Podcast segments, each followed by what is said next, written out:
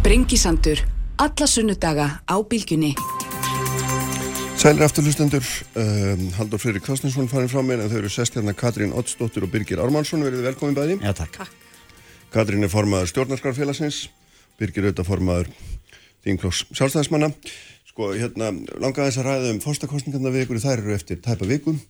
Uh, hérna, í svona þekktir í ræðu 2017 sagði Guðni að hérna, TH, hérna, sittjandi fórsti, eða, já, að hérna, Sko stjórnarskrálbundið ábyrðaleysi fósetta sem felur samt í sér formlega staðfestingu ákvörnum annara samræmst ekki réttafitund fólks og ekki heima í stjórnstíslu samtíma sem var mjög skýrum þetta og, hérna, og kvart í þingin til þess að taka nú á málum og, og hérna sko hérna að afnema þetta fóstin væri ábyrðalös af aðtefnum og skýra hlutverkans við erum búin að tala um þetta, ég veit ekki hvað, hvað mörg ára og við erum enn bara, nú erum við að fara að kjósta í fósta enn á ný og enn á ný vitum við raun og veru ekkert eða svona, ekkert er nú kannski alltaf mikið sagt en, en sama, ekki nógu mikið um það hvað fórsetin í raun og veru á að gera og sem við sjáum nú endur speklast í því hvað frambjóðnir hafa gríðarlega misjafna skoðanir, ekki bara núna heldur ofta aður sko. Mm. Katrín, þú byrjar aðeins um þetta Já, ég held að þetta sé nú bara eins og flesti vita ákveðið merkjum það hversu úrælta stjórnarskafi búum við og ég held sem betur fer að það sé að koma ákveðin svona samhljómur meðal þjóðarinnar og þingsins og sittjandi fórseta um það að þessu verða breyta Svo náttúrulega eru er mismöndi skoðunur það hversu langt er að ganga í því að breyta stjórnarskroni. Mm. Það félagi sem ég veiti uh, formersku og uh, líka samtök hvenna um nýja stjórnarskrá vilja að svo leiði sér farin að eins og kom fram í nýðustöðu þjóðartkvæðgreisluna 2012 þá verði frumvarp stjórnlagalás lagt í grundvallar fyrir mhm. stjórnarskrá Íslands. Af því það sé nú bara eiginlega ekki bóðlegt að nýðustöður heilar þjóðartkvæðgreislu séu hunsar Þannig að mér finnst alltaf mjög gaman að tala um hennar fórsettakabla því hann er svo brilljant dæmi um það að við erum að vissuleiti ekki bara með sko úrælta stjórnarskrá heldur getur hún ef ákveðin atbyrðar á spilast mm. orðir er hreinlega tefandi tímasprengja. Mm. Við getum fengið eitthvað sjármverandi uh, populista sem býður sér fram og það eru nómarkir aðrir í frambóði líka þá dreifast atkvæðin þannig að hann getur segra kannski með 15% atkvæðum og hann bara fyrir að virka hérna þessi ákvæði sem liggja þarna einhver starf í dvala og deiltir um hvort séur önverulega dauð eða mm. lifandi, það var mjög margir eh, fræðumenn sem sögðu að málskótsrétturinn væri dauðu bókstafur þannig til 2004 og Ólaður ekki bara byrtan Nánast allir held ég. Mm, Þannig að við erum með í höndunum skjál sem eru auðvitað leifar á gamlu dönsku konungsveldi og átt alltaf að vera til bráðabyrða eh, og það liggur þarna eins og lítill Frankenstein einhver staðar undir einhverju þúfu og við erum alltaf að vona bara það besta. Og þetta er mm. alltaf algjörlega óhæft í stjórnskipu landsins að við séum með slíka ákveði eins og Guðni þreytist nú ekki á að benda á. Mm. og ég held nú sem betur fyrir að fólk sjóður nokkur með einn sammála um. Eh, þarna sé einhvers konar alls konar valdheimil, hann, hann má gefa undan þáðu frá lögum, hann, má, hann, má, hann getur gert svo margt sko. Mm. og að því við erum ekki með eins og í nýju stjórnarskráni kröfum það hans í kjörin með meiri hluta atkvæða þá getur, eins og ég segi, bara mjög óhefilega atbyrðar átt sér stað alveg svo við sjáum í ymsum löndum í kringum okkur. En það er mjög merkilegt hérna sko að eins og þú nefnir að sko málskótsrétturinn var almennt talin döður bóstafur og ég man eftir að ég var þá hérna í vinna upp á Sjónvarby og og ringdi held ég alla sem að átt að hafa vita og svo það voru allir fullvisum það að málskóðsréttinu myndi aldrei beitt. Og ef hann, ef hann myrði beitt þá, hérna, þá myndi það hafa svo ræðilegar afleggingar, ríkstjórnin myndi falla og fara frá og það er allt vittlust og hérna, en svo kom nú bara í ljósa einhver önnur að bröður ás Hvernig, hvað segir þú Birgir um þetta hérna Þú ert kannski... einu kannski eh, frekar svona íhaldsömu mönnum já, já, já, já, mm. algjörlega en ég hens vegar hef eh, svo sem eh, sagt við ímist tækifæri að ég teldi að það gæti verið tilöfni til þess að endur skoða fórsættakablan mm. Eh, með það að markmiðið er mitt að skýra einhverja hluti til þess að koma í veg fyrir hættu á miskillingi eða, eða tókstreitu um tólkun ákveðina ákvaða. Uh, ég get hens vegar ekki tekið undir með Katrínu að þarna sé einhver lítill Frankenstein sem við þurfum að hafa mikla ráðgjur af vegna þess að við erum auðvitað með ennbætti sem hefur fungerað ágætlega í 76 ár sko.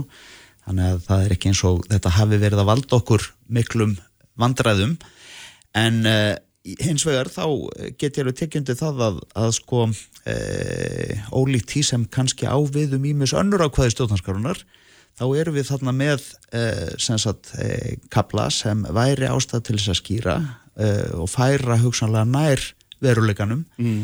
Eins og ennbættið hefur verið praktiserað í 76 ár. Hvers vegna en, gerum við það ekki? Jú, ég menna það er það, það, það er nú hérna einhverju leiti ágreiningur um aðferðafræði, ég menna við þekkjum það og að hérna það hafa verið skipta skoðunur um það hvort að þetta taka til úr stjórnlegar á svo 2011 og gera mm. þær að nýri stjórnarskrá eða hvort að þetta fara í áfangaskipta vinnu Já, en jafn, þetta, jafn, en þetta þessu er fyrir ekki, má ég já, bara klára já. þetta að sko í e, þeirri vinnu sem núna ásist að á vegum e, fórsettisáðura Mm. og formenn allra, allra flokka og þingi taka þátt í að þá er fórsettakablin meðal þess sem er undir e, og hefur verið til umræðu Uh-huh.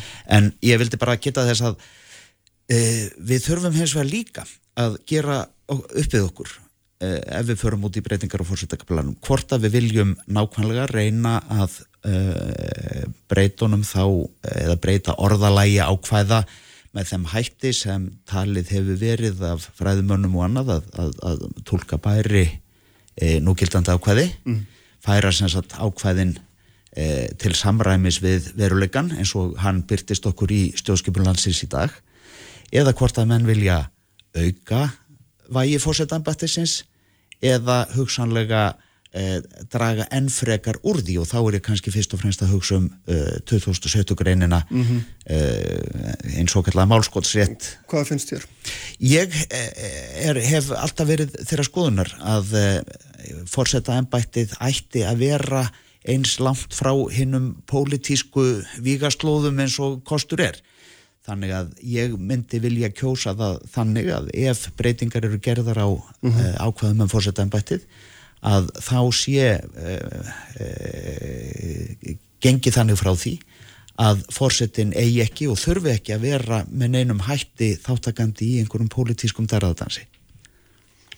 Katrín, það, er nú kannski ekkit svona ekkit ósvipað tótn í Nei, þetta tilögum stjórnar á sem það er svona freka verið að setja fórstan aðeins til hlýðar eða hvað maður að segja, til hlýðar en svona í þeim tillögum þá heldur hann málskóðsrætti sínum. Uh, og það er einfallega veitna þess að í nýju stjórnarskránni þá er búið til ný, ný leið sem að 10% kjósunda geta kallað umdölda löggjöf til þjóðrætskaskriðslu Mhm. þannig að það er komið skýrt til fólksins í landinu að það getur virkað þennar rétt án þess að þurfa að fara alltaf á njánum til eins manns með eitthvað mm, mismann vargar undirskriftir.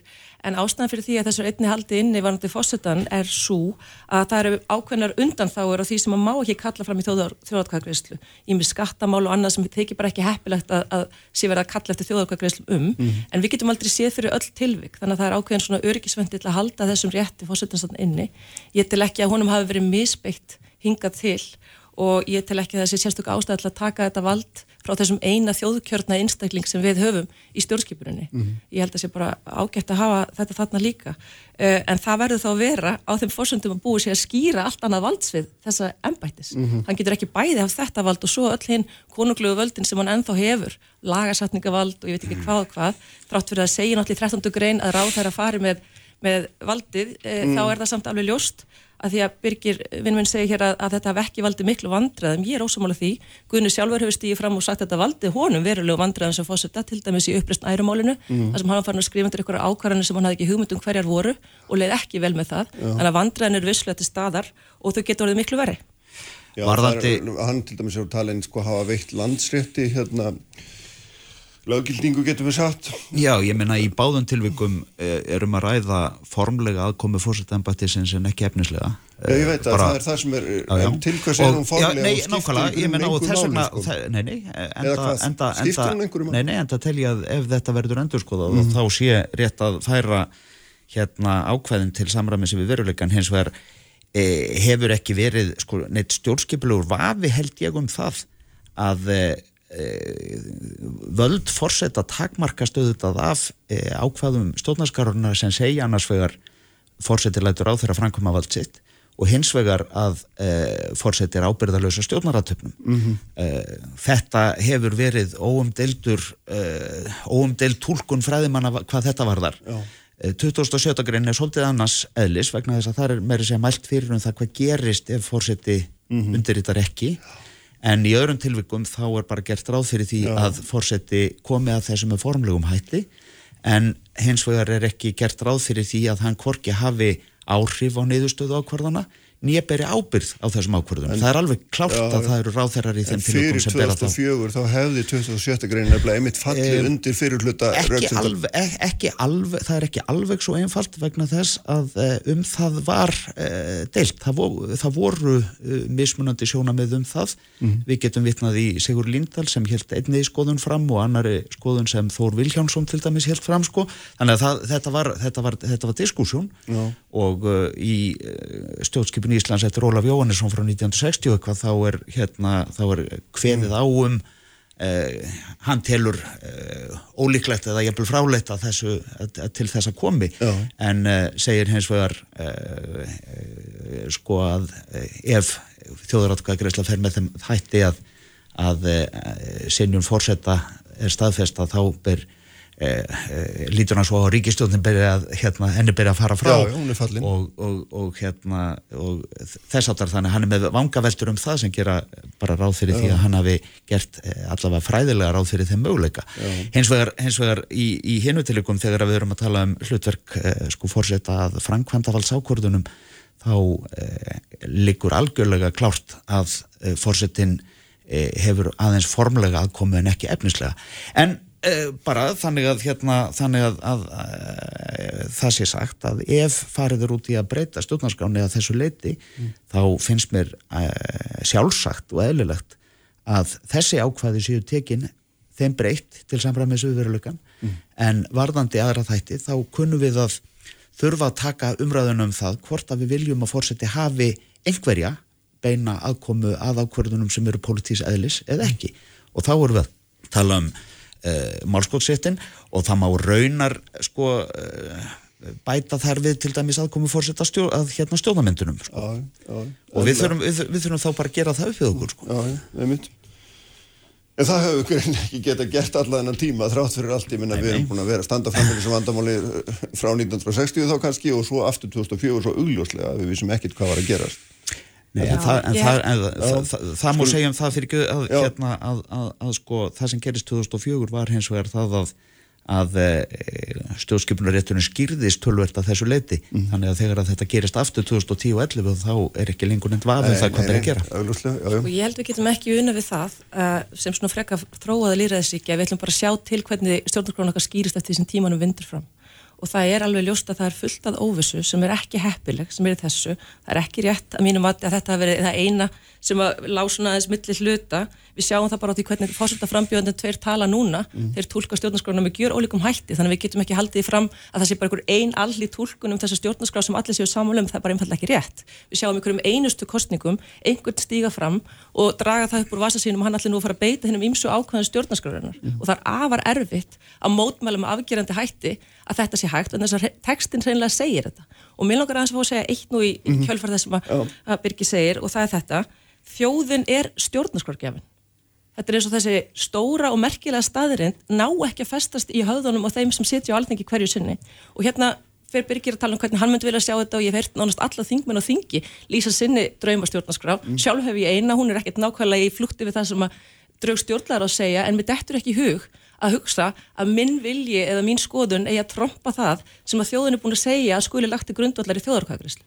Þar er hinn stóri grundvallar líðræðis miskilingur sem er að valda því að við komumst ekki áfram með þetta mál og þetta gengur ekki. Þessi pressa mun bara aukast, það er nýkomin undirskriftalista þjóðskráða sem að 3000 manns hafa tveimtugum skrifað undir og krafist þessar lögfestingu. Það er endalust meir og meiri hiti því að fólki vil, vil bara aðgerðir og að gera eitthvað til að reyna vekja alþingi sem sefur þarna þyrnir og svo svefni og reynir ár eftir ár, sömu aðferð, nýnemt.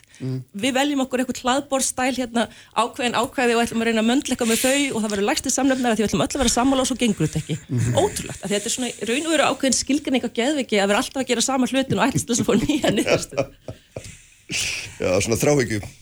Já, En- en bara, ég meina- bara, bara, bara um þetta að segja Já, sko, má ég ef- spyrja þig á það byrjar, má ég samt ok. spyrja þig vegna þess að þú og ætlaði að gera það á þann sko, hérna, af hverju alla þennan tíma gengur ekki að breyta þó þessu litla þessum litla hluta stjórnarskránar um, um fórsetæmbætti sem hefur verið svona mikið í sviðsljósunni ég veit að önnur ákvæði kunna vera flóknari og, og þurfa eitthvað með dýbri raugraði en þetta er hérna, maður mað svona maður furðar sig á þessu að þetta er svo þetta er svo augljóst og þetta er svo tákgrænt fyrsta beina aðkoma mín að stjórnarskámálum var í nefnd sem skipuð var af fórsettisáðara 2005 til 7 ef ég maður rétt.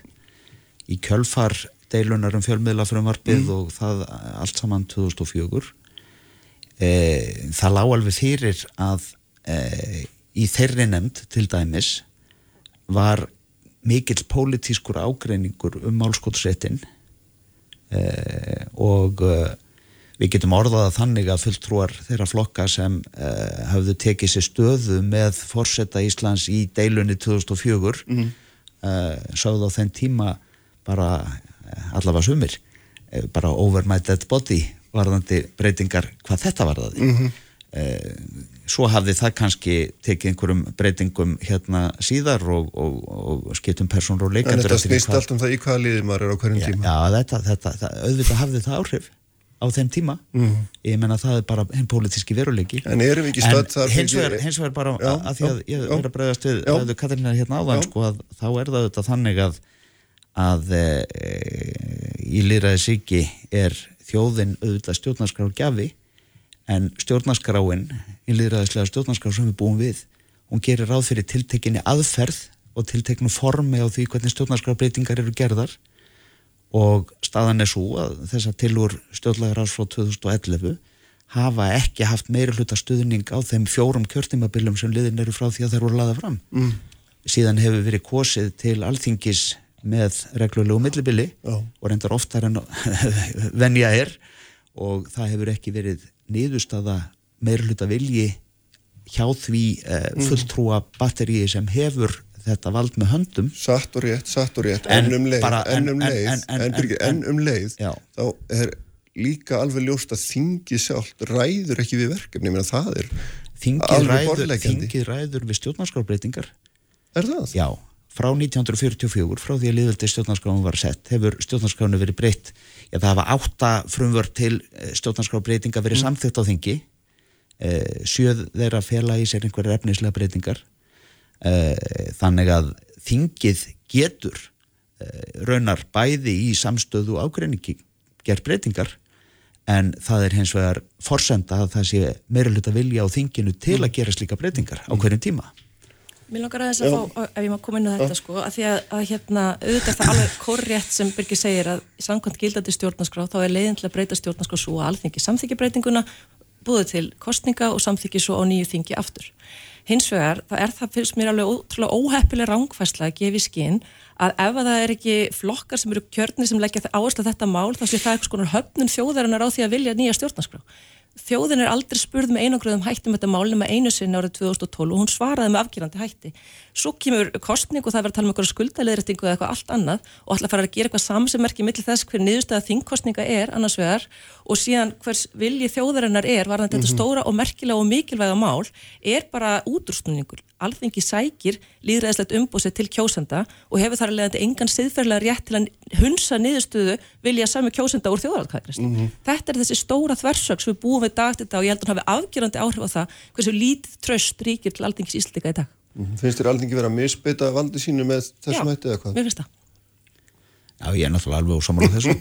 En ef við veldum aftur fyrir okkur fórsetæðanbættinu þá, hérna, þá vísa Katrín hérna til þess að, að við fáum alltaf með reglulegu millibili upp sko uh, fórsetta frambjóðundur sem eru með mjög æfintilega tólkun á nú gildandi ákvæðum sko. Mm.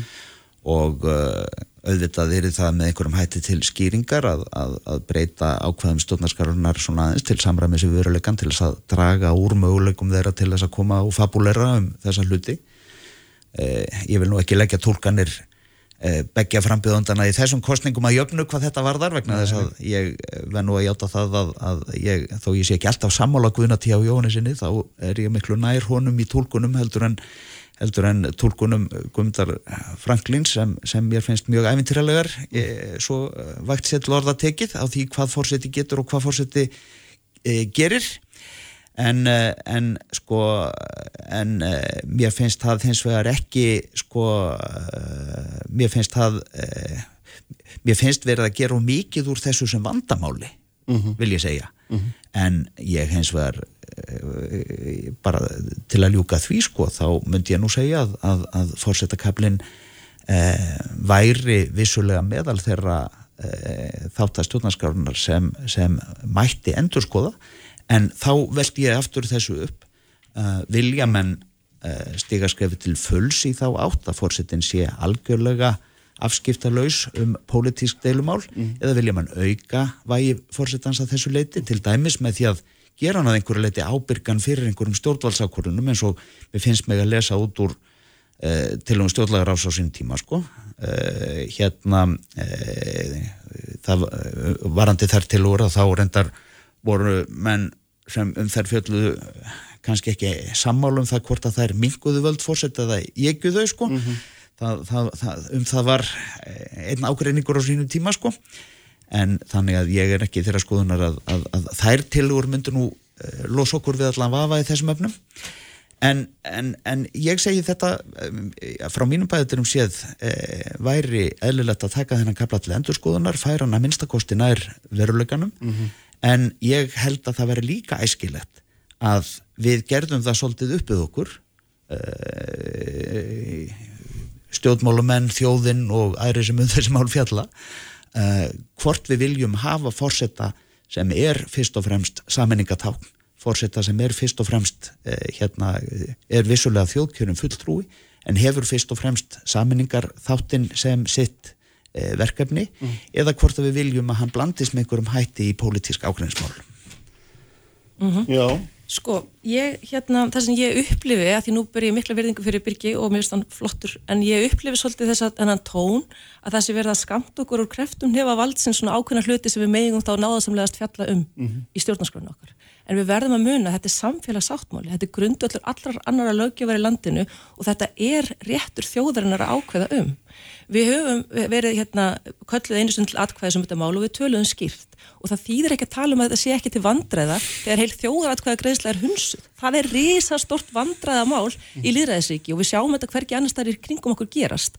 Þannig að við ætlum alltaf að skauta eitthvað með létti við það og segja svona ég var náttúrulega til í að sjá breytinga á þessum kabla náðasamlegast, takk herra, herra pappi þetta snýst ekki um þetta að einn og einn megi svona náðasamlegast veit okkur smá rétt til að hafa smá áhrif. Við eigum þennan sáttmála þjóðin og hún á að koma frá okkur og hún leið og aldrei stígur hérna á milli og stoppar það flæði, þá erum við komin í algjöra kreppu með líðræðið okkar. En hvernig nefnum að leista, Katrín, að það er ekki vilja á þinginu, eða það er ekki vilja á þinginu til þess að sko, láta málinn ganga áfram og það næst ekki samstæði eða hvað svo sem það ákallast? Já, af því nú erum við búin að vera svolítið að vísa í söguna. Það fannst mér persónulega afar óhefilegt og sorglegt þegar sjálfstæðisflokkurinn og fleiri ákveða að í málþóf árið 2013 til að koma í veg fyrir að alþingi geti greitt um þetta atkveði.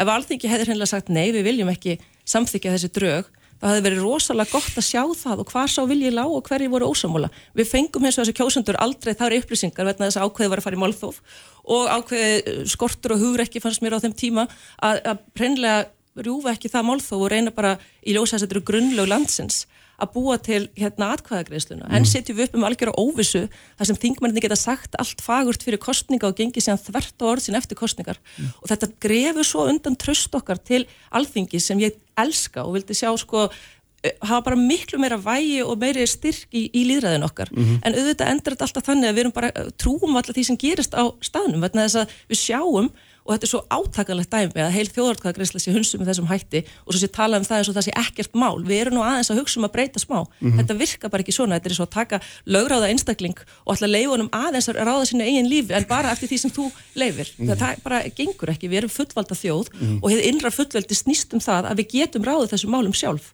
og alþingi verður að vakna til þess að við getum endurbyggt þetta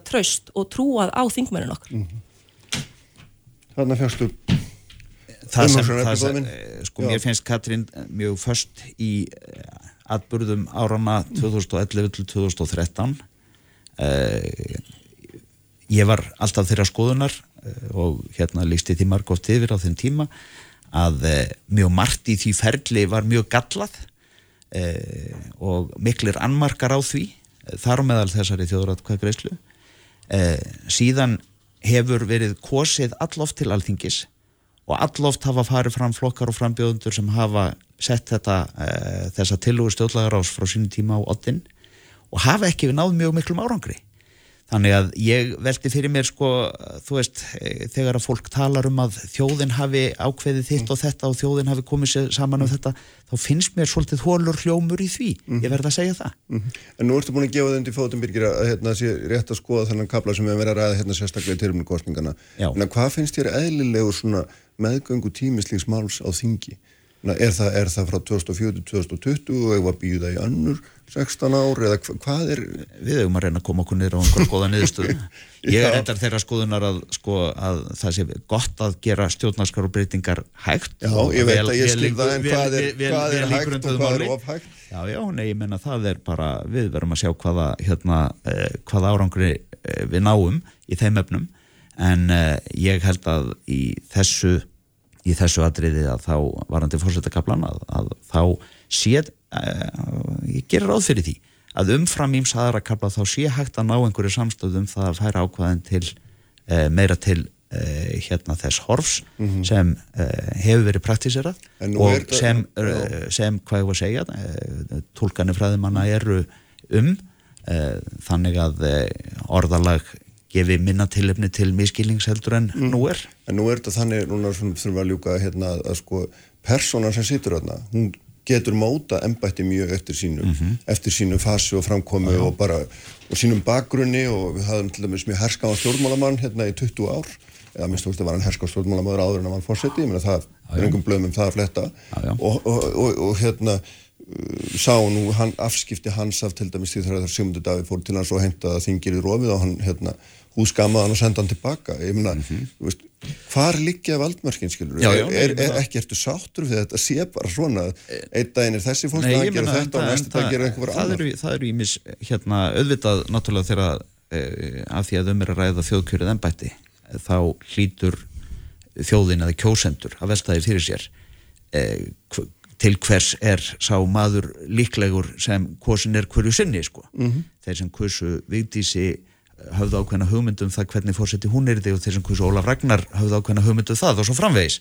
Þeir sem kursu Guðna eh, höfðu einhverja hugmyndum það og hafa kannski ennþá betri hugmyndum það núna sko, skilur þannig að, að auðvitað mun einstaklingurinn alltaf með einhverjum hætti setja margsveit á ennbættið en ég er alveg til í að, að hérna og hérna og er ekki að segja það að því að ég sé að skamta neinum úr nefa heldur bara það að, að ég væri til í að gera breytingar eða taka þátt í breytingum sem uh, lúta að því að Að, að, að draga úr mm. svigrúmi til mismunandi tólkunar á þeim ákvæðum sem nú eru í stjórnarskráni Katrín, loka orðum þetta Þjóðin er stjórnarskrágefin, punktur. Gott og vel, ég ætla að ræða fleiri vikur en við komumst ekki lengur í dag. Takk ykkur báðum fyrir að koma þetta var hérna fróðilegt skemmtilegt. Sigriði Björk Guðjónsdóttir, lauruglustjóri, ríkislauruglustjóri verður hérna hjá mér eftir augnablik. Uppspretta frétta á Sprengisandi á bylgjunni. Bylgjan er með þér allan daginn. Sprengisandur á bylgjunni. Sæli hlustendur, þá rúlum við að stað hér á Sprengisandinum í dag, 21. júni, þar verða hérna í lokþáttar Nikolai Mosti fyrir hundi alþingiskona og Sema Erla Setar.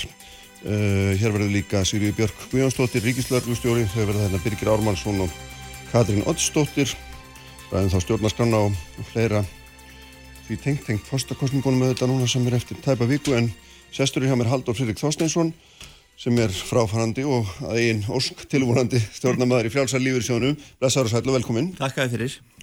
Sko, hérna, frjálsar lífyrirsjóðurinn er stærsti lífyrirsjóður í Íslandi, eða fjölmennasti, skulum við segja? Já, sérregna Já, lífeyrissjóður. sérregna lífyrirsjóður, Já. fjölmennastur, já, já, hérna sem var haldið þínu til að haga. Já. Það er alfundur í næstu viku. Já. Og þú ert að bjóða þig fram aftur og meðal annars á grundvelli gaggríni sem þú hefur verið hérna óraga við að setja fram Mhm. og þarna sem að svona byggist nú á þessu og, og við skulum bara byrja því út nú, segðu mér aðeins hva, hvað er það helst sem þú hefur hérna fram að færa í því? Í því. Sko, ég vil meina að uh, þetta viðskiptasamband við Arjón Banka, uh, sem er svona hagsmunasamband að mínum mati, uh, og hagsmunarnir rekast ofta á, að það er í senn dýrt og áhættusamt fyrir sjóðin.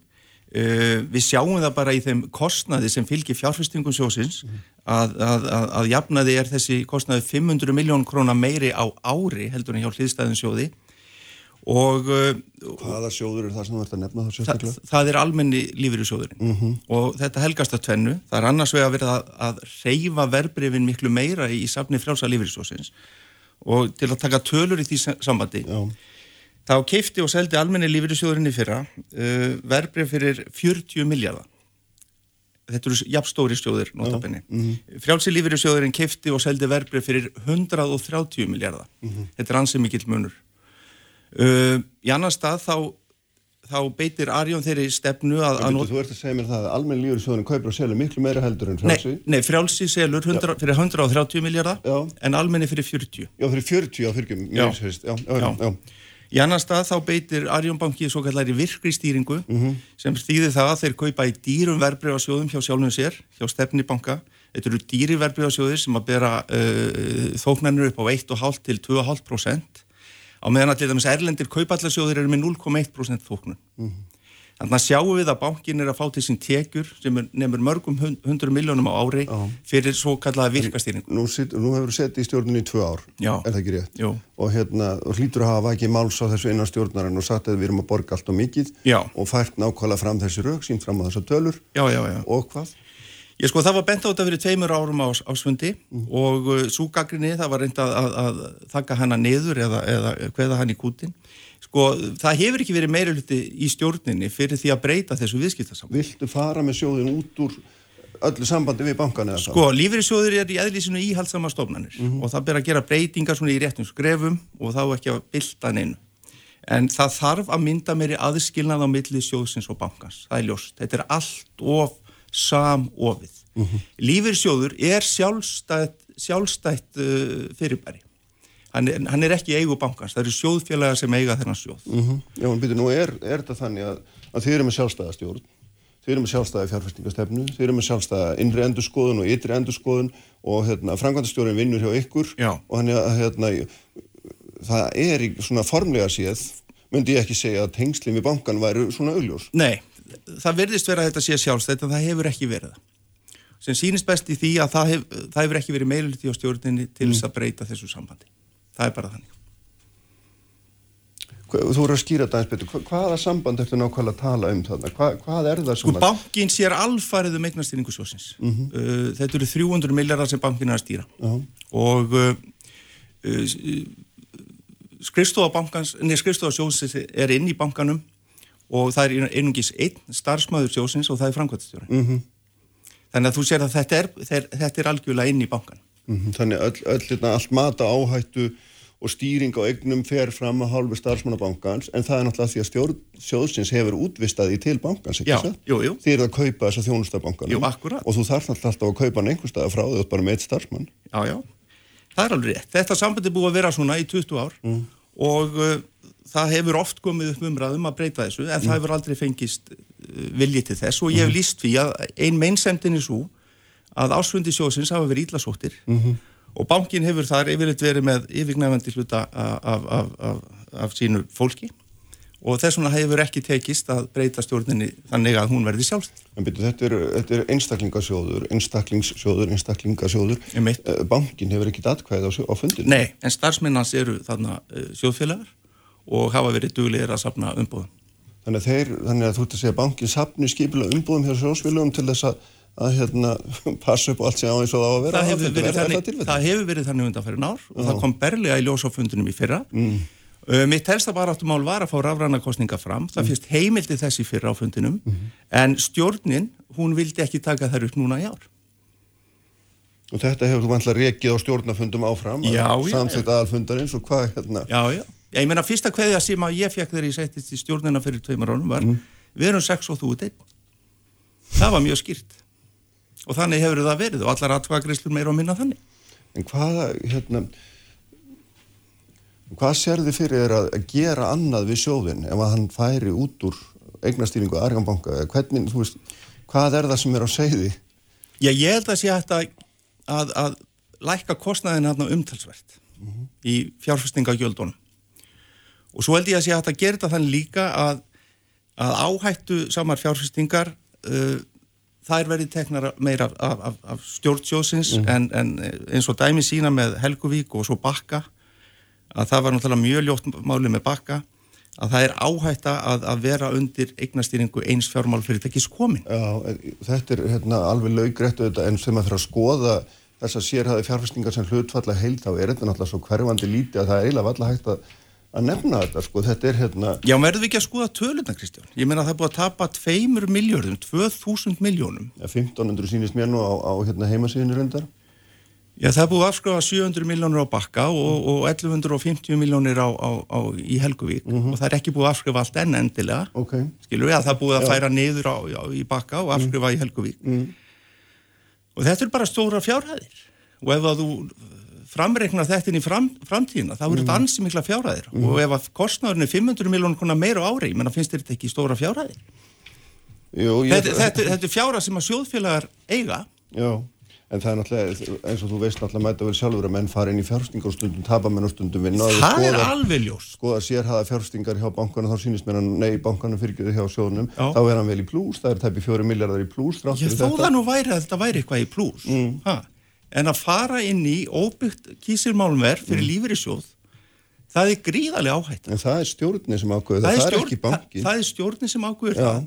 En ég kynnti mér ágætlega allan þann undirbúning Mm. þess máls og að mínu mati var það mjög ófullnægandi áhættugreining Mhm. og þetta var mjög samofið og þetta var fáránlegt hvernig bankin satt öll begja megin borsins og eftirlitið, það var ekki setti stjórnamenn inn í þetta verkefni Mhm. til þess að fylgjast með þessu. Já, þetta er bara óvöndu vinnubröð. Já. og er, er hérna Þannig að það sem ég er að segja Já, að hagsmunir þessara tveggja eininga eru svo ólíkir. Banki vinnur á, er áhættu sækin í eðlisinu, hann vinnur í skamtíma hugsun, lífeyrissjóður á að vera langtíma hugsandi og, og, og, og ekki að vera mjög áhættu sækin. Þetta fer ekki saman. Er Ég hef unnið banka, Já. ég þekki alveg kúltúrin Já. og það hjálpa mér auðvitað í þessari baráttu að skilja þetta. En það er sætt grundvallratri í þínum huga að, sjóðurinn verður að vera fjær hann verður að vera fjær. Já. og ef að löggefin getur ekki gert þennan aðskilna þá verða sjóðfélagar að taka það í sínar hendur. En þá væri óskandi líka að það væru rafræna kostningar Já. En nú þegar maður, að- þegar maður reynir að kynna sér sjóðin og ég, meina, og ég hef búin að fara yfir hann ágætlega aldrei, þá, þá, hérna, þá sér ég nú ekki betur en að maður getur nú nánast bara fengið að vita allt sem maður þarf að vita um hennar sjóð. veistu það? Og það er, þú getur farið í gegnum eignarsafni, þú getur farið í séð ávörstunum langt aftur í tíman Já, já. og þú getur gert þetta allt saman og hérna, ég átta mikið á því, hvað er það sem að þú, hérna, Já, sko, hvað þér sé- finnst vera svona mikið á huldu, sko? Ég, ég held að sé margt að í, í framsveitingu til dæmis í ásreiningi það er bara ekkit auðvelt að lesa margt í, í ásreiningi og uh, til dæmis uh, uh, hérna uh, óbein fjárfestingagjöld 600 miljónir, þú getur einhvern veginn þú þarf að fara aftur í skýringarnefnd til að sjá það. Það er hvergi dreigið saman hildar kostnæðurinn við að reka sjóðin hann ætti auðvitað að standa þarna. Mér finnst hann vera svona 1500 miljónur 1400 miljónir, já, já, og helmingurinn kannski til bankans eða hvað? helmingurinn til bankans? Já, ég spyrir þig. Nei, ég myndi alltaf að vera miklu meira. En ertu vissu það? Já, já, já, ég vissum það. Mm -hmm. Vissum það, já. Og það eru þessar, hérna, að því að nú sér maður líka maður skoðar, þú tala allir sem þóknunatekjur en, en mér sýnist að það er verið að sko 31 miljón á ári samkvæmt því sem framkemur í bankan í hérna á, á síðu bankans uh, síðu sjóðsins fyrir kjöður og sem nú ekki öllu saman. Skulum bara sundulega þetta hérna. Ha, þannig að það er svona, þú veist. Skrifstu og stjórnunarkostnaður 488 miljónir, bein fjárfæsningagjöld Kristof 317. og stjórnuna kostnaður 488 miljónir því Já. einn starfmann Já, já, eða það eru þetta miklu fleiri sem er að vinna við hann. Já, Bein fjárfæsningagjöld 317 miljónir, áætluð og reiknum fjárfæsningagjöld eða óbein fjárfæsningagjöld 600 miljónir. Þetta eru 1400 miljónir. og þetta er upp úr reikningu sjóðsins Þetta eru upp úr reikningu sjóðsins. Já, já. og hvað finnst þér að vera eðlilegt ef þetta er og allt og mikið Já, skoðum almenna.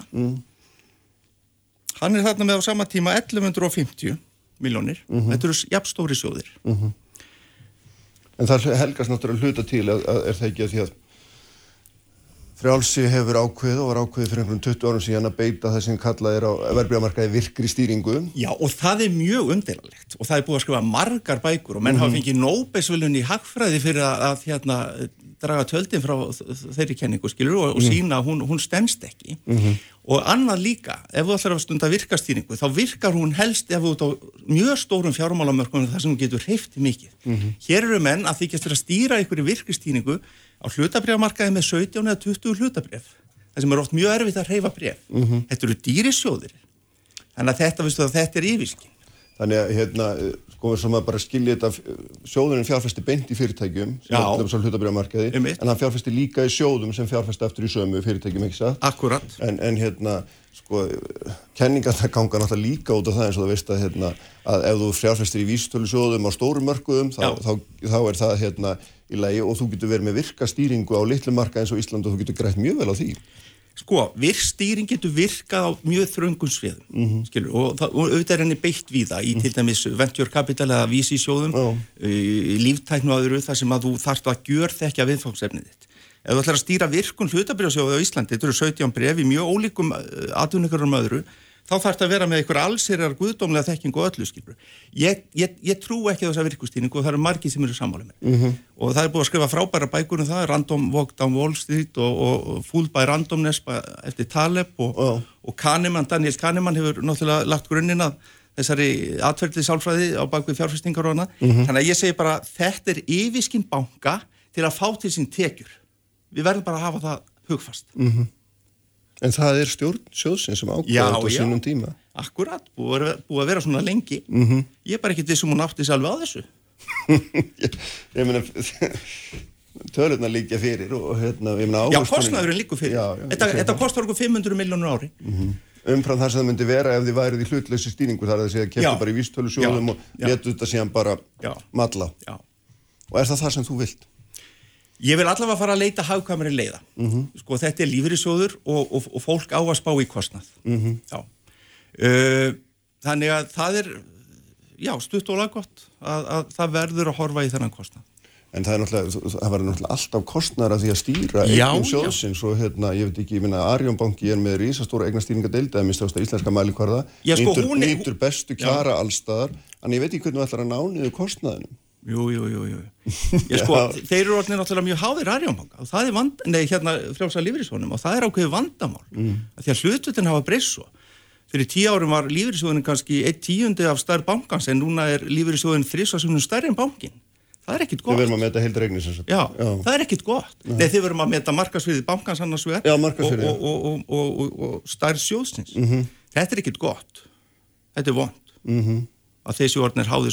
og En uh, sko, hérna, þannig að þú myndir vilja, eh, svo ég skilji þér rétt, hérna, hva, þú myndir vilja fara með þetta fjær bankanum, bjóða vantlega út eignastýringuna og reyna að fá bestu kjör á það sem að þeir reynda fullir það síu nú þegar Já. fyrir hendi og en þú blæst á það, ég sé þú hristi bara hausinni við því, ég meina það kemur það bara í og er því ekki. Hvernig, hérna, hvernig það verður, en ég meina hvað, uh, veist, myndi það skila sjóðsfélagum einhverju ávöxtun umfram það sem nú er?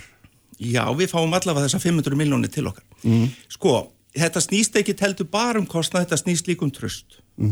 Og bara horfandi á, á dæmin úr, úr fortíðinni, að þá getum við aldrei treyst því að eitt fjármála fyrirtæki bera alltaf okkar hag fyrir brjósti. Það er bara, ég, það er bara eins og mannlegt eðlið er, skilur. Þannig ég segi þetta snýst líka um tröst og þess vegna er aðskilnaðurinn svo mikilvægur.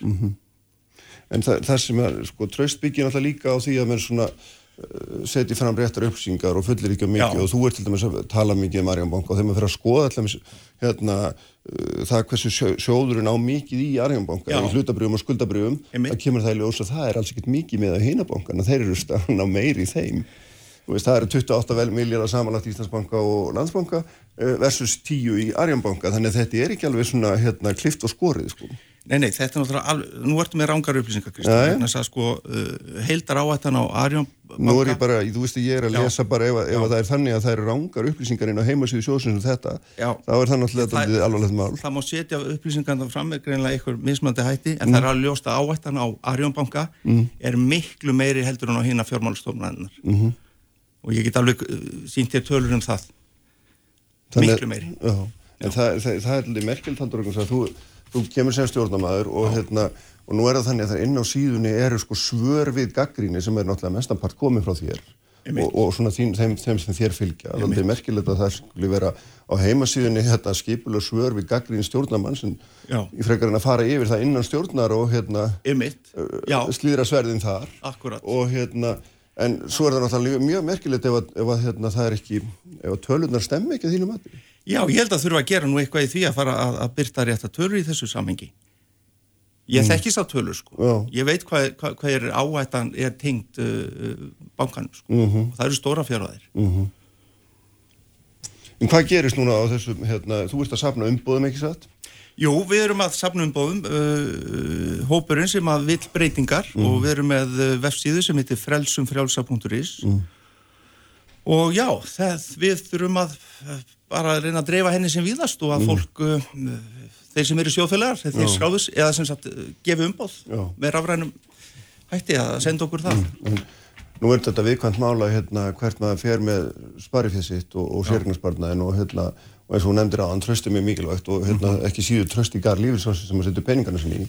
Og ég veit ekki það er hérna þú segir að það sé svona orspós á þetta hversu nátengtur ba- hérna sjóðurinn er bankanum en á móti held ég að margir myndu segja líka hérna megin orspós á þetta felst í því að stjórnamaður fari út og hérna gaggrinni sjóðin með svona opinskáum hætti og, og varpi því jafnvel fram að hérna þessi rángar upplýsingar gefnar hans álfum Sko, eina orðspós á þetta fyrir svona lífeyrissjóð eru að það eru óvöndu vinnubröð við þau og við höfum séð nokkuð dæmið það.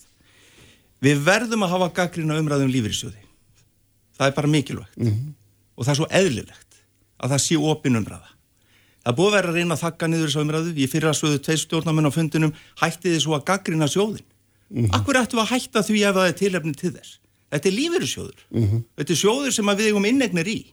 Hversin í óskopunum má ekki gaggrina lífeyrissjóð? Vill eitthvað segja með það? Ef ekki bara hætta að gaggrina ríkistjóðnina líka? Menna, hvað rugl er þetta? Já, akkurat Já, og ég bara mun halda því áfram svo lengi sem tilefni til. Já. Ég skrifaði mig fyrirvar undir ásreikninginu daginn, það var fullt tilefni til þess. Samkvæmt lögum, bara með skilda til þess. Vegna að segja, ef að ég hef mótbáru fram að færa í ásreikningi, þá ber mér að geta þess. Hverju voru þær? Já, það var þannig að ég vildi segja frá niðurfæslunni 700 miljón krónum í, í fjárfæstingun á bakka. -hmm. Í fyrsta lagi held ég að margir sjóðfélagar hafa ekki sig grein fyrir því að frjálsið lífyrirsjóðin var ekki bara í Helguvík, Helgu líki bakka. Og í annar stað þá var náttúrulega Helguvíkuverkefni þannig að það var mikilvægt að greina frá þessu og þetta eru stóra fjárhæðir og þetta skipti máli. Og, s- og stjórnin sérst hafnaði að greina frá þessi ásendingu. Já, ég meina þetta er bara, þetta er stór fjárfæsting. Þó hún sé lítið hlutfall af heldar, Já, já, heldar já. fjárfestingunni þá telur hann samt, þú, hann har samt verið nægilega stór til þess að verða, hennar verða að geta. Já, ég meina það er ekki óskoðað fjárfestingar í sjónum, eru kannski bara 30-40 sjáðu. Það er ekki eins og þessu 300 fjárfestingar hann. Þannig að ef það fer einn svona illa og það er fara nú mjög fáar Já. segðu frá því. Hvað er þetta, akkur er þetta reyna að fela þetta? Uh Men ákveður að spyrja þig hérna, sko í þessu samingi, að því að nú, nú hérna veit maður að það er leið í lífur í sjálfum, örglega í frjálsarlífur í sjálfum líka, þannig að fjárfesti í flugræstri. Hvað segir þú sem stjórnamaður? Ég, ég sé bara flugrestur á þetta sömur og það þarf bara að meta það. Já. En þið þurfum að taka ákvörðunum Já, þetta, já, í liggur ekki satt? Já, Jú, jú. já, og ég meina flesta fjárfestinga ákvörðunir stærri eru þetta teknar í stjórninni, ekki satt? Ég sko óskráða fjárfestingar. Já. það er fara fyrir stjórnina sko. En þessar, þessar, þessar reyfingar Já. innan dagsins og svolítið fremur Já, þær, það er allt innan bankans. já, en vilt þú fá, fá ég meina, Ég ætla ekki að fara að stýra, stýra þessu sjóði sko. Nei. Það, það er ekki mar mar markmið. nei, en alltaf bara- verður einhver að stýra þessum reyfingum, ekki satt? Jú, jú, vissulega. Mm. En ég vil bara að sé gert með gagnsæri hætti og, þetta, og upplýsingarnar séu En, en stjórnin fær upplýsingar um þetta Rétt. hverjum einasta stjórnafundi sem er held í mánaðarlega eftir sem ég skil, Rétt. það fáið upplýsingar um allar. Já, já. Meina, hvað, hvað er þetta annað en meina, annað er bara, það verður bara að sitja yfir þessu hérna ef þú ætlar að fá meiri upplýsingar. Já, ég vil bara byrta þetta skýrar í ásreiningi. Ég vil bara að þetta blikki framann í, í, í hérna sjóðfélaga, Mhm. í skýslu stjórnar eða framalega, allar þessar grundvallar upplýsingar, Mhm. bara eins og heilda kostnaður, eða hreyfingin eins á sjóðnum Já. og, og í samanbyrði við aðra sjóði. Mhm. Þá sést þetta. Já. Hvað gerist hérna þegar hún er kjöri og, og, og, og minnst þú veist ein mannski hérna með þér? Já, vonandi Sem- kemur já, hún með mér, þá verður við kannski tvö. Já, og þá heldur áfram að hreyfa þessu Já, já. stjórnarinnar, en það eru sjö manns þar, þannig að það er svona, Já, já, en svo kemur aðalfundur að ári og rafræna kostningar. Þá kannski fara hlutinir eitthvað að breytast. einhver myndi segja við því hérna, akkur ferði ekki bara einhvern annan sjóða, þú ert svona óanað með þennan. Vegna þess að ég get ekki fært skilduspartma þarna samegnina mína, mm. samtrygginguna mína. Já, Og er hún- það eitthvað lausn að hlaupa bara í burtu? Það er engin lausn. Og það er fjöldi manns óanaður hann. Já. Ef við bara öll að fara á. Já, Það er auðvelt. Menn hafa þetta leifið til þess að greiða atkvæði með fótum. Já, já, en, en, en, en, en okkar sem sagt, samtrygging er þarna. Mm -hmm. sem, sagt, sem sagt, það sem að snýra að skildu tryggingunni. Herðum, þetta er semst hérna, í næstu viku eru forveitnir þetta að sjá hvernig, Já, hvernig þetta fer allt saman. Takk fyrir að koma Haldur. Takk fyrir. Þetta var farúldinilegt og hérna, ég ætla að halda áfram hérna með Birgi Ármannsson og Katrín Ótsdóttir auðvitað augnablik. Takk. Sprengisandur á bylgjunni alla sunnundasmórna. Sprengisandur alla sunnudaga á bylgjunni. Sælir afturlustundur, við erum hérna á lokasprettinum, það eru sestar hjá mér hérna Nikól Lei Mosti sem er fyrirvinandi alþingiskona og Sema Erla Setar uh, sem ég ætla að lega mér þessu samingi sem að hérna, titlaði sem stopnanda á fórsvarskonu Solaris sem er hjálparsamtök fyrir hérna, hælisleirindur og flotta fólk á Íslandi. Að svona kannski næst okkar viðhómsefni í dag. Er sko hérna, mér langaði til að tala við ykkur um, um það hvernig er að vera útlendingur í Íslandi. Og, og þessi svona rasisma og svona auðvitað erum er, er við að tengja þetta bandaríkjunum í sviðsljósunni í augnablikinu og Nikól, þú ert náttúrulega frá bandringun og varst að koma þar frá því að í janúar og hérna, Já. svona örstuðt að við byrjum bara, hvernig, hvernig er ástandið þarna í, í þessum hérna, hérna þessum, þessum óverðum öllum og, og þessari djúpu undir öldu sem greinilega er Já, en minna, þetta er náttúrulega svo, ekki, ekki nóg eh, tími til þess að tala um þetta Nei, þetta er bara nei. svo kerfislag Já. það er, þetta, þetta snýst um mismun og, og það sem við leifum ganga í mismun. Og fólk vil tala um þetta bara sem rasismi en þetta er, ég meina, tala um menn eru frelsið, þrælar eru frelsið í hvað 1865 fæ ekki virkilega lögfest að kjósa fyrir 1965 og því er ekki alveg fullgengið vegna þess að það er ekkit fyrir tveimur ára setna þegar hæstarættir gengin og segna hei bitt og við erum ennþá að mismuna alveg nýður í hérna borgarkostningur og kostningur í fylgir og mm -hmm. því þeir ekkit og, og daginn í dag er þetta að renna tilbaka til dæmis maður, fólk sá hvað gerist í Georgia með local polling stations og kjörstöð. Já. og það var núna frett í morgun að Kentucky á að fara á kjörstað á þriðjudaginn. Mhm. og það var að loka meir en helmingin á þeim og flest af þeim voru einmitt í hverjum þar sem svarfólk bý. Já, það bara er engin kjöstaðir Já, það er bara loka, það er bara loka svo það myndist stærri röð í næstu kjörstaði. Það myndi vera svo, ég veist, já, mætt upp í Breitholt og þau segja, nei, þú verður mætt í Grafavogur og, og þá er 40.000 bands að kjósa og, og eina, svo að fólk er þarna langt eftir að lokin er og það er það sem gerist í Georgium og það er það sem hefur myndist og það myndist ekki, ekki bara, þú veist, kostningar er einn það myndist í atvinnakerfi í námskerfi, í eh, velferðarkerfi, heilbriðiskerfi svo trekk í trekk eru fólk mismunið og þá, þó að það er lagabreitingur og það er sagt nei, það er ekkert mismunum, þá kemur þessu vonda stefna eins og stoppin frisk. Já.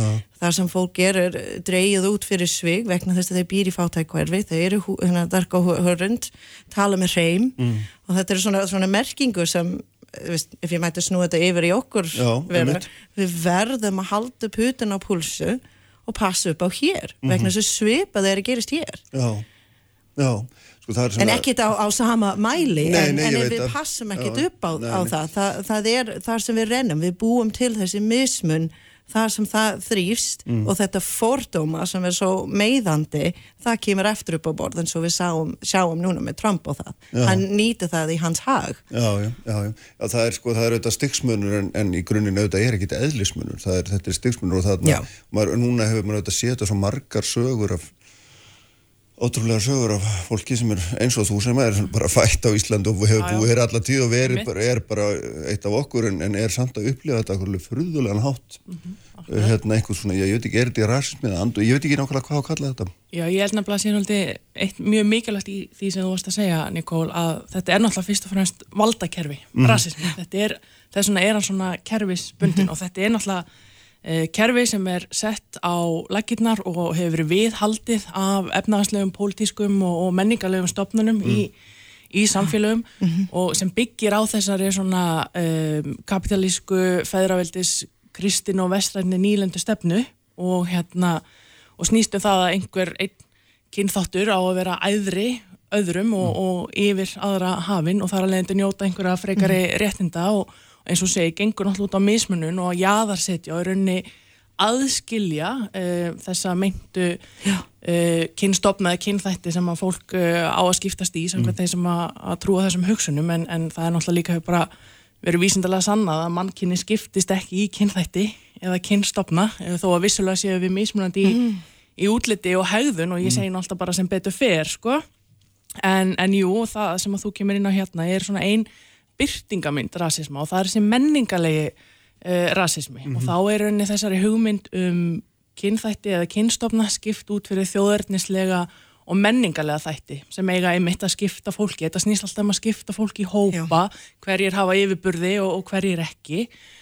Og, og þannig erum við komið með þætti eins og þá trú og, og síði og gildi e, samfélaga sem eru notaði til þess að mismuna e, einstaklingum og hópi, hópi fólks. Og, og þú nefnir mig í þessu samengi, ég er náttúrulega Íslandingur, ég er líka Tyrki. Já, já. og, og fyrir marga er ég þá bara einungis Tyrki, það er bara eins og heit ég ekki til. Um, og af Þú því ert með að þess að fæta Akureyri. Já, og ég meina ég er skýr, ég er fernd, ég meina, ég er búin að fara í gegnum alla annan boka eins og, já, eins og allir allir já, já, já, já, en já. þeir sjá bara það að ég sé Tyrki og, Já. og þar að leiðandi er ég muslimi og, og á þar að leiðandi að fylla allar staðal uh, myndirnar sem að snúa því hverju muslimar eru, sem Mm.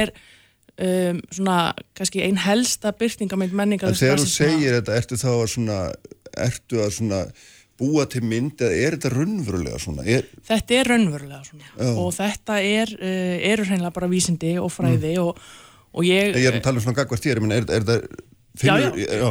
ég meina það er ráðist á mann út á götu mann er sendt skilaboð mann er hótað ofbeldi og, og morði og ég meina það var nú bara núna daginn sem var hótað að Já, skjóta já. fjölskyldunum mína og, Já, já. og ég mitt sem sagt hérna er búin að gera sjálfa með að rannsóknar uh, viðfangsefni Mhm. mm ég er að klára meistarnámi tónstund og félagsmálfræði og það er mitt fór ég yfir svona var ég að rannsaka hverjar eru svona byrtingamyndinar þessa menningarlega rasisma Mhm. og það er mitt þýðir að því rauninni þú segir eitthvað en þegar bara eins og dæmi það var einstaklingur ákjörðu fyrir hattisóraði Mm. uh, dæmdur segi og hann í rauninni segir uh, skrifar, vona sem að er serðir farist í næstu mm. hriðverka árás Mm. skítmenna af hennar tægi í sviga er síðan sett muslima skítmenna Mm. þannig að þannig ertu komin með hennan menningarlega þjóðverðnislega þátt inn í það sem þú ert að segja og þá ertu farin að, að mismuna vegna uppruna þjóðverðnis, trúar eða, eða annars. Þannig að þetta og þetta er einu ein byrtingamind og þannig að þetta, þetta og ég minna við verðum bara að horfast í augu og, og vonandi erum tilbúin til þess að fara að viðkynna það þetta er á, á Íslandi eins og allstaðar annar staðar þetta er, Já. hefur verið svo lengi sko. Hvað segir þú Nikol? Nú ert þú, hérna, nú ert þú ekki frá miðausturlöndum, nei, bara bandaríkjunum nei, ég er alveg, sem er bara ég er okkar. útlendingur, ég er Já, alveg, alveg hvít og hörund en samt, ég meina, jú, jú, ég hef upplifið þetta mestu, mestu, ég myndi segja það sem, sem fle, ekki flest okkur, en, en við upplifum mest er hvað var þetta tungu. Já, Það er mjög mikið og þetta er stórt tól og tæki sem er nótið til þess að halda og jaða setta fólk og maður getur setið í, veist eins og tæmis á vinnumarkaði. Ég var að fletta snögglegn í gegnum hérna tölur vegna COVID og ég sá að tölur fór nýður almenn hérna frá april til mæ en það fór upp meðal innflytjinda. Hvað segir það okkur? Að það er Íslandingur sem fer fyrst eftir á vinnumarkaði. Og ef maður fer í gegnum tölfræði þá er það hérna færi þegar, þegar er gert uh, launakonnin þegar það er hort beinlínast bara til veist, ákveðin stett, þá er þetta eins. En þegar það er skipt á milli innflytjendur og, og fólk á verlindum uppruna það er hátt yfir 20% launumun og það er vegna þess að við erum ekkert lofið að vera sérfræðingur eða þingkonar og, og, og, og, og hérna, hérna í stjórnunastöðu til dæmis bara tungumál, fyrsta skipti ég stigi í, í hérna ræðustól nei, í fórsetistól fyrir ég settist eftir í tölvu og það var bara strax skilubóðum Nú þarfum við að textsetja alþingi. Missni Nikoli Músti hástum með upprópuna merki og ég hugsa mig guð minn góðu þetta og eftir að vera skemmtileg tímabíl en, en það eru aðra vísbyndur ég, ég fór í gegnum hérna það var í, í lók janúar 2019 þá kom út sérhefti um félagsvísu, um innflytjendun og þessi hluti sem fer í þessi kerfisleg þar sem hérna, við vorum að skora undir, þar sem við þurfum að passa. Og það er hluti eins og íþingjandi húsnæðiskostnaður er meira hjá innflytjendum. Innflytjendum búa í, oftar tíð í bara þröngt bara alltaf markar í húsnæði. Brótfalt úr námi og færi nefnda velendum upprunni í framhaldsnám ég meina þetta er, þetta er okkur helstu kerfi til jöfnuður á Íslandi. Það er það sem gerir Ísland sterk að það að við erum svo vel menda þjóð en við erum að skila út undan eitt hóp. Já, hérna hvað, hvað með, já, færi uh, sérfræðingur hérna þá tökur í pólitíku miklu minna. Sjáu ef ég fara eftir í það sem ég voru að segja í bandaríkunum þegar hérna, fyrst var gefið réttindi til að kjósa þá fjölgaði hérna, svartmenn á þingið -hmm. og í pólitík allstaðar að. Og við, svo við erum ekki haldið frá beinlínas vegna kostningarétt en við erum haldið frá vegna öðrum þætti sem kannski kemur af samfélag af þessi eins og segir tungumál og eins og sem er segir, með, með hattusorðræði og þú ert ekki nóg góð, þú upplifið það. Og hérna En er það sérst bara algjör della því við, ég held að við höfum Íslingar sko, mér finnst það svona að er alveg uppið að það er ekki, rasismi eða kynastæk er bara ekki til á Íslandi. Þetta er bara eitthvað vandamál annar staðar og nú fyrir einhverju að hlæja bara. En ég meina þetta er bara einhverju algjörð þaður. Ef maður ræði landmærabíli held við, það- förum þar núna ég meina ef maður ræði það. Hva, hvað mun það Ég- stefnir að? Þetta er, bara, þetta er bara leið til þess að hérna, racial profile, ég veit ekki hvernig við kallum þetta á íslensku Já. en uh, það er bara leiðin til þess. Við getum fara út í okkur, hoppa upp í okkur bíl og, og finna þeim sem ekki heima hérna. Já, og hvað einkenni munum við nóta til að spotta þau? Að taka mig yfir þig eða? Já, já. Ég líka alveg held að þetta snúist líka svolítið mikið um hver er að segja að það sé ekki rasismi á Íslandi. Mm. Því ég er alveg nokkuð vissum það að einstaklingur sem að uh, er eitthvað blandaður eða einmitt kem, uh, er með erlendan bakgrunn eða er aðfluttur í þetta samfélag, hann mun aldrei segja þér þetta. Það eru þeir sem að hafa og munu aldrei upplifa rasisma sjálfur sem að halda því fram að hann sé ekki til. það, það er líka fólk sem þetta er ekkit, vil ekki viðurkenna að þetta er já. Þetta er mér óþægilegt, ég finn það vegna þess að ég, þegar ég hérna datt af þinginu þá fer ég að vinna í breiðholti og ég vinn í kringum eldriborgara fulltu fólk sem hefur tekið mig bara, bara hugsa mig ekki, ekki lengur sem útlendingar verður að segja það var sagt við mig ekki fyrir lengur nei ekki þú, þú ert ekki gulur. Og ég segi, er það ekki ra rasist að segja? Nei, nei, nei, ég, nei, nei, nei. Fólk bara fattu þetta ekki. Og það er, þetta er þetta er eitthvað sem mér finnst við Íslandingur getur gerð þetta rétt ef við hættum að polarísa þetta og þóra að taka hennan umræðar þóra að segja já afsakið ég meinti þetta ekki þannig. Og það var ekki rétt að segja, ég, ég vil ekki taka asístu kona út fyrir sviðið. Að það bara, að það er bara vera bara stór fólk um þetta. Hætta að, að polarísa þetta og segja bara hvernig getum við gert þetta betur? Hvernig getum við aðlaga hvern annar?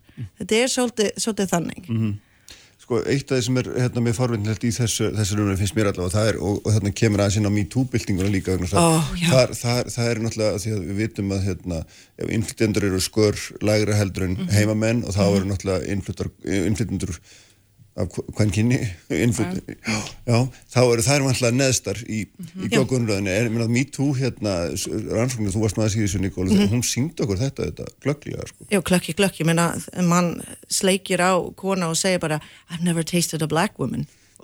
Þetta segir mér, þetta segir mér að þetta liggur ekkit undir. Og, og, og þetta kom svona trekk í trekk Lörglinn kom til þess að stöðla heimilisofbeldi og þeir tala við þann sem er að veita það vegna þess að hann tala betur íslensku. Og sittur kona Marin og, og í sjokki og, og tala við hann og taka hans sögu og nágrunna sem, sem neyti því að- styðja við þessar konar sem voru í ofbeldi og, og segja bara hættu að búa eins og dýr. Ég menna það var svo marg sem kom upp í þessi sögu mm. sem, sem segir okkur að já, við verðum að byrja að tala, opna þetta upp, tala um þetta hætt og polarista og finna hvernig fólk getur lífið saman og, og nóta allt þetta gott sem Ísland hefur. Er, er hérna rasismi í úlendingalögunum okkar finnst þér sem að, þú hefur verið mikið að vinna með þau? Já, þau eru að mörguleiti mjög slæm og tala nú ekki um þessar breytingar sem að er núna verið að reyna að innlega til þess að gera um, gera það ennþá veri en að því ég með þetta með að rasum sem sé kerfisbundin, hann er vissulega í stopnunum og hann er í lögum og í bara svona samfélags uppbyggingunni og, og það er einmitt líka, ég meina þetta er samfélagslegt vandamál og eins og þetta segja, ég meina við munum ekki geta uh, breytt neinu fyrir en við horfumst í augu við það viðurkennum að það sé vandið til staðar og síðan uh, fara að taka samtalið og, og hjálpa staði að læra og, og kenna hvort öðru.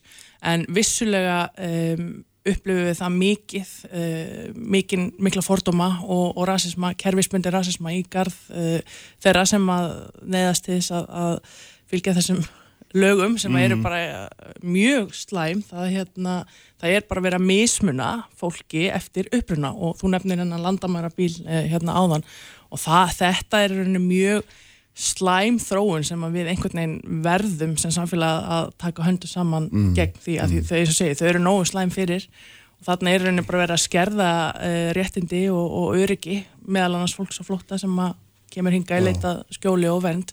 Þannig að já, já, útlendingalögin og, og í rauninni bara stopnunin í kringum útlendingamálin sem per se, sko, það er, þetta er, það er þessi kerfisbyrni rasismi einhvern veginn í þessu e, lögin eru eitt síðan eftir með stopnarnir sem vinna uh, samkvæmt þeim, þannig að þetta er í rauninni bara já, afskaplega slæmt. Veist, ég var spurt þegar ég var úti hvernig er fyrsta skipti, minn ég er nú bandaríknum mann, ég hef búið þannig lengi.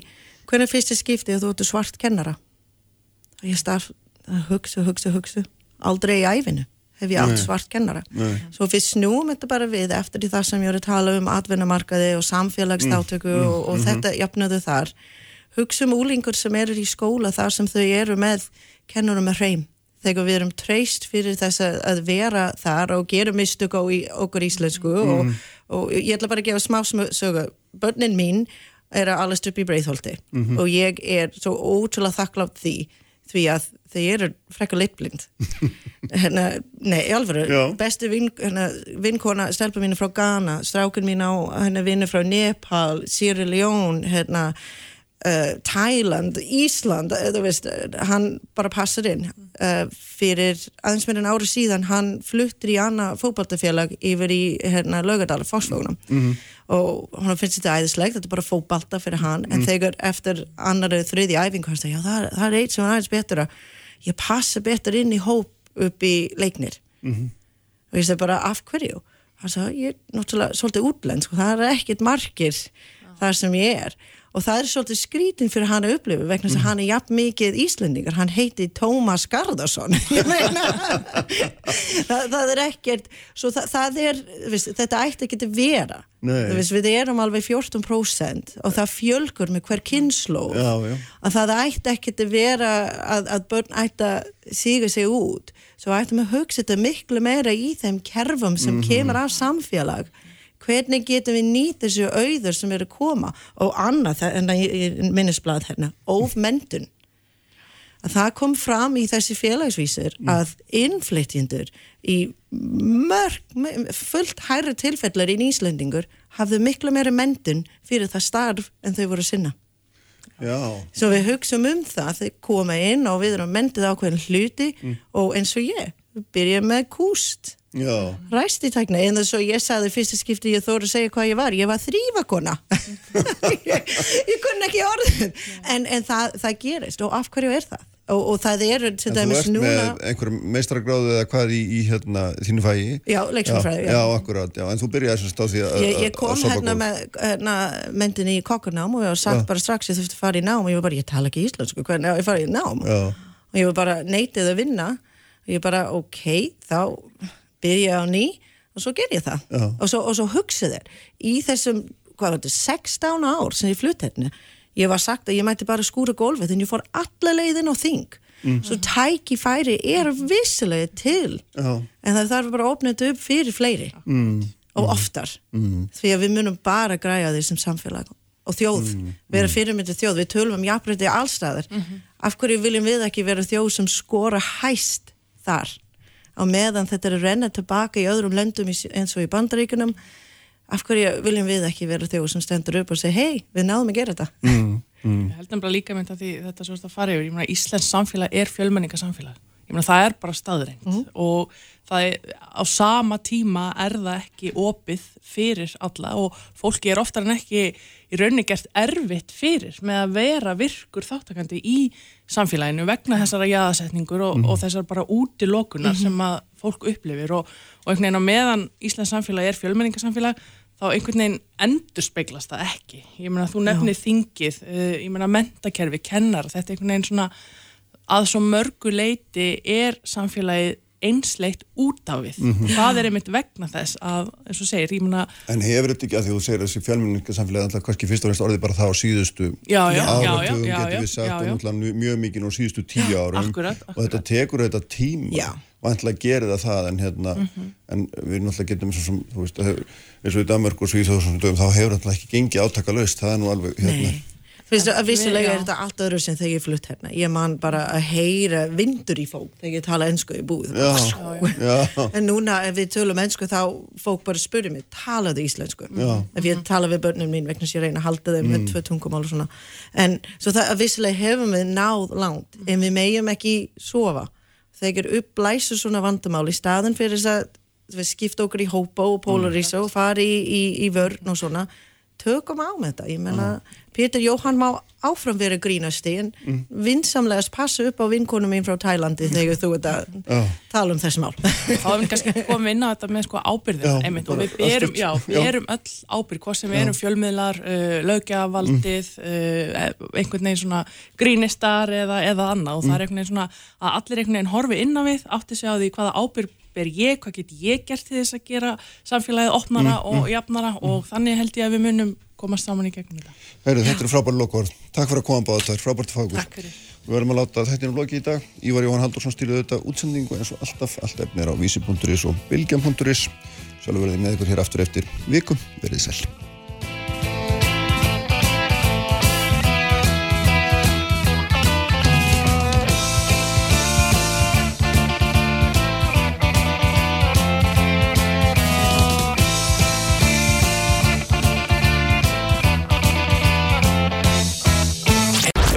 Þjóðmál og pólitík. Sprengisandur á bylgjunni.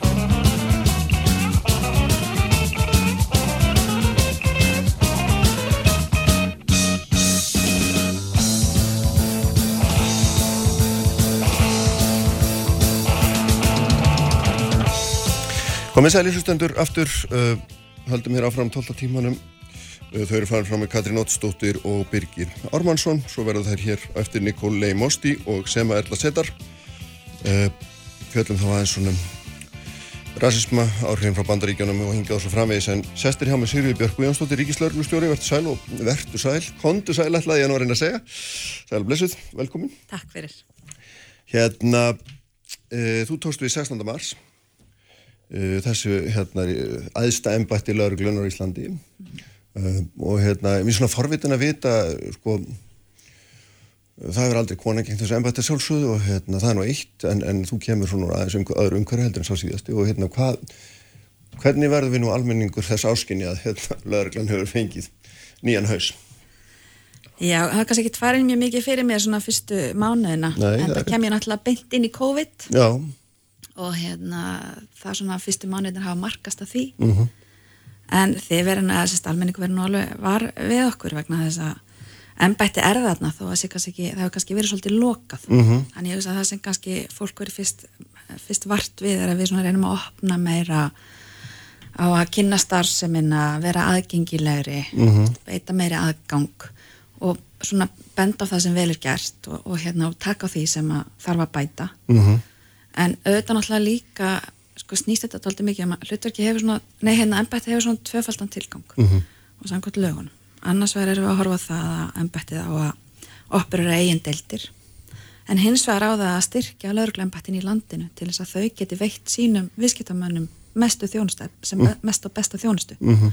af því að það er náttúrulega ekki hvorki hagkvæmt nýja gerlegt að allir séu að reyna að leysa tæknimál, búnamál, ýmislegt fleira Mhm. sem á að vera miðlegt og svona meiri ég vil rauninni líta á lögreglustjórnuna sem svona sem ég hef verið að grínast með svona sagaklassfarþega þannig að þegar, við erum alltaf að vera að hlúa þeim. Alltaf Já. að spurja hvernig hafið það hvað uh gert fyrir ykkur. Mhm. hérna, og þegar þeir segja, heyrði, ég vil fá nýjar tölur um þetta eða hitt og þá bara fer það í mjög hraða meðferð. Mhm. þannig veit að þeir best þjónustu til sinna umbjóðanda. Þeir eru með fólkið í höndunum. Mhm. þannig að í rauninni það að þú segir aðstæða embætti, sko, ég lít meira á þetta sem stuðningin, til dæmis þegar við erum hálfum á almannavarnir, þá eru almannavarnir stigskiptar, þú ert með vettvangshópin, vettvangsstjórnina Mhm. svo ertu með aðgerastjórnina sem er líka í héræði og svo ertu með samhæfingastöðuna sem á að, og samhæfinguna sem á að, á að stýr passa upp á að allir hafi allt til alls Mhm. og menn horfa svolítið mikið á samhæfinguna og hún sé hérna æðst og mest en í rauninni er þetta allt saman stuðningu við vettvangin Mhm. þess að það er vettvangurinn sem þarf að virka Mhm. allt hitt er stuðningur við vettvangin Mhm. þannig að þannig lít ég á embættið við erum stuðningu við lörn í landinu við erum stuðningu við vettvangin en á sama tíma þurfum við líka að passa að miðla upplýsingum vera til staðar, afla það er mikil áhugi á lauruglunni mm Mhm. þingi er að spurja og hérna, mikil áhugi á fréttamönnum og svo framvegs Mhm. og hérna það tók mér smá tíma að átta mig á því að við erum að þjóna nákvæmlega sama hópi. Ef að hérna, við eigum ekki gott samband við fjölmjöla þá eru fjölmjöla náttúrulega ekki bara með rétta mynd til þess að, að sína fólkinu Mhm. og þetta er sama fólkið og við erum að þjóna Aha. Þannig finnst þér hafa skort á þennan skilning gegnum tíðina? Já, og ég meina, ég verð alveg að játa það ég byrjaði sem lögstjóri 2002 Mhm. á Ísafyrði og þá voru alveg viðbröðin þegar hérna fréttamenn voru að ringja og svona, já, við erum nú bundin trúna við getum ekkert sagt Já, og, mhm. og svona, og það var líka bara kunnin, sko, við litum á okkar viðskiptamann sem glæpamann Hvernig er þetta að kalla viðskiptamann? Það er aldrei skrítið orðum hérna, fólki í landinu sem þeir eru að þjóna, er það ekki það sem það átt við eða hvað? ég er það sem ég er að þjóna, okkar, fólk sem við erum að þjóna er okkar viðskiptamenn Mhm. og við þurfum að að veita þeim sem bestu mögulegu þjónustu og það sem við fáum borga fyrir að gera Mhm. með skattfé þannig að það skiptir máli hvernig við gerum þetta og það skiptir máli að við hlustum á fólk Mhm. og ég er kannski svolítið upptekina þessum viðskiptamanna að ég hafði ekki séð þetta og það sem að ég held ég var að fara að læra um það hvernig ég gæti nálgast yngstu kynsluna betur út frá teknilegum sjónamiðum Sest, hvernig hérna því þau kannski sem við erum líka að þjóna Mhm. að við næðum betur til þeirra þú veist, þetta er ekki krakkar, eða sest, yngsta kynslaðin er náttúrulega ekki svo sem ringir og talar þú veist, ég texta Já, já. börni mín til að segja að maður sé matur af því að Mhm. þau svar ekki símanum Mhm. til þess ef ég þarf að ná, ná í þau einhver staðar þannig að hvernig næ ég til þeirra hvernig næ ég skilabóðunum til þeirra í hvað heimi lifa þau Mhm. og það var til dæmis bara eins og við sáum með svo ég fari nú strax í eitthvað hérna eh, umdelt en semst við sáum bara til dæmis með hérna kynferðisbrot Mhm. hvaða heimur er það sem að þau er að fá sína fræðslu úr Mhm. getur það verið að og við sjáum alveg að einhver kynferðisbrot taka með að því sem er, sem er trendið í klámi til dæmis Mhm. þannig að við þurfum að horfa á mótveið og horfa á rákulega þennan, þennan hóp en það sem að ég hérna, áttaði mig ekki á þegar ég fór í þetta náma það að þetta var miklu meira, þetta var þessi breyting á samfélaginu að búa til, ég bara á ekki rétta orðið, að búa til plattform Mhm, já. sem sagt fyrir Mhm. þjónustulörglunar Mhm, mhm. og er hann að horfa á okkar vörur Mhm. við erum að veita þjónustu og við erum að skila okkur vörum ég meina greiningar eru vörur, tölfræð eru vörur þetta þarf að vera eitthvað sem að fólki vill fá Mhm. þannig að þetta sé ekki bara þetta sem var hérna þegar ég byrjaði að okkar kunni Mhm. var glæpamæður Mhm. en það er alls ekki þannig Mhm. því að hann á fjölskyldu, það er Mhm. þólendur Mhm. það eru fjárhagslegar afleðingar Mhm. og það eru samfélagslegar afleðingar Mhm. sem er Þannig að þú ert að tala um að borgara. lauruglan þurfa að vika sjónundildar hengir mikið frá því sem verið hefur. ég sko ólíkt fyrirtækjum á markaði þá er okkar hérna eh, hagsmunir eru tröstið Mhm. ef að tröstið er til staðar á milli okkar Mhm. og borgarana Mhm. og þeirra sem við þjónum þá erum við að fá betri upplýsingar fólk er að þóra að leita til okkar við fáum heilbreyra samfélag Mhm. það versta sem gerist er þegar fólk hérna sem sagt uh, uh, kærir ekki eða hefur ekki samband við lögregla þegar Mhm. þarf á því að halda því að tröst er ekki til staðar og það er það sem við erum alltaf að vinna með þess vegna er ég að tala um Já, viðskiptamenn og já, kuna já. og það sem ég lærði þarna úti og svo sem við vorum byrjuð að gera áður heimilisopilsverkefni gengur náttúrulega út á þetta að reyna að setja sig í aðstæður þeirra sem við erum að þjóna Mhm. og þarna hvað er þetta svart og hvítu fólk vill semst við eigum ekki að veita þjónustu eins og við teljum að við eigum að veita hana Mhm. heldur eins og fólk vill á hans ég veit Já. Ég held að svona þólendur heimilisofbeldis myndu, se- myndu sko vilja förð, myndu furða sig á því hvað laurglun hefur verið ríkalega lengi að kveikja á þessu og sko hérna því þetta nú ekki, ekki eins og heimilisofbeldi sé í umræðinni frá því fyrra þetta er nú búið að vera mörg mörg ára, ára sama með kynfyrirsofbeldi og laurglan hræðilega segna kveikja á þessu erfitt að kæra mál, niðurlægandi að fara í yfirheyslur en það er búið að fara yfir þetta sko svo ofta það er ekki eins og nætt að telja það hvers vegna hefur þetta gengið svona hægt? þetta hafa verið örgulega einhverju samverkandi þættir en allavega ég tala bara fyrir mig Mm. að þá byrjuðum við, byrjuðum við að breyta verklagi á, á söðunisum og þá var það þannig að það kom til okkar, ég hef sagt þess að sögu marga oft svo sem en það kom til okkar sálfræðingur frá uh, því sem kallast núna heimilisfriður Mm. var áður eh, karla gegn ofbeldi og semst er svona meðferð aðala fyrir ofbeldsaðala og það ofbeldi, þá sem beita ofbeldi ofbeldis fólk og þeir komu, hann kom og var bara að spjalla á, sögnu sem hafði óskafti fundi og fer að ræða við mig um heimilsopilsmál og hvað við séum að gera og ég fer að segja hann um að við séum nú að þjálfa rannsakara og við séum með fólk að bá um kynjum. Það sé hérna málahalinn sé svona ásættanlegur svona frá okkar bætirum og svo frá þess og þá spyr hann þessara spurningar ok, en hvað er hérna, er það ná mörgum mála fyrir domstóla Mhm. ég sést, ég bara hef ekki skoðað það nægilega, ég er bara ekki með nýjar tölu ég skal bara aðtöða og ég fer aðtöða og þá bara fór rauði takkin á stað. Mhm. þú veist, var bara ítt á hann bara meiti, meiti, vegna þess að það var alveg ljóst það voru engin mál að fara í gegn, þau stoppuð einhvers staðar í kerfinu. Mhm. og það voru alveg margar ástæður fyrir því, en fyrst og náttúrulega því að það var ekki skilningur, lögreglan var að gera sitt. Og svo var stuðniskerfið að gera sitt. En með því að við settum sem sagt, hérna, tókum höndum saman og hugsaðum út frá þjónustu þeganum Mhm. að þá hérna gáttu við veitt miklu betri þjónustu og í rauninni bara sett okkur í spór þólandans sem átti ekki að þurfa að bera það bera málareksturinn. Af því að hann er inni í, í ofbeldisringnum. Mhm. þannig að þegar útkalli kemur að þá voru við að rannsaka kannski tveim, þreim dögum setna því útkallin koma mjög oft um helgar og nóttunni. Og þá voru við ekki með semst, þá komið bara fyrsta í rauninni viðbræði en svo ætlum við að fara að rannsaka og þá var bara ofbeldisringurinn búin að færast. Komin sátta umræða eða eitthvað slíkt og einhvern veginn hérna þólandin bara einhvern veginn ábyrða því að halda öllu saman. Mhm. En Hvað er þetta komið langt núna? Þú talar um að suðunum, hvað er þetta komið langt með að breyta að þessu? bara, þetta er bara breytt, þetta er gerbreytt. Gerbreytt. Gerbreytt, já. Og það kom bara, kom nýtt verklag. Og hérna það er mjög mikið unni með þetta og farið yfir mál. Til dæmis ég allir háara þannig að það var farið lengi vel yfir hvert einasta mál sem kom upp til þess að breyta í rauninni. Mm því að annars er þetta að horfa á útkall við erum að tala um til dæmis ég allir há. Það erstu með gríðlega mikið á útkallum og það, hérna, eina breytingunum í viðbræðinu við heimilisofbildi var að það er rannsakað á staðnum. Alveg sama hvaða tímið er, það bara kemur inn teimi og rannsakar allt sem hægt er að rannsaka.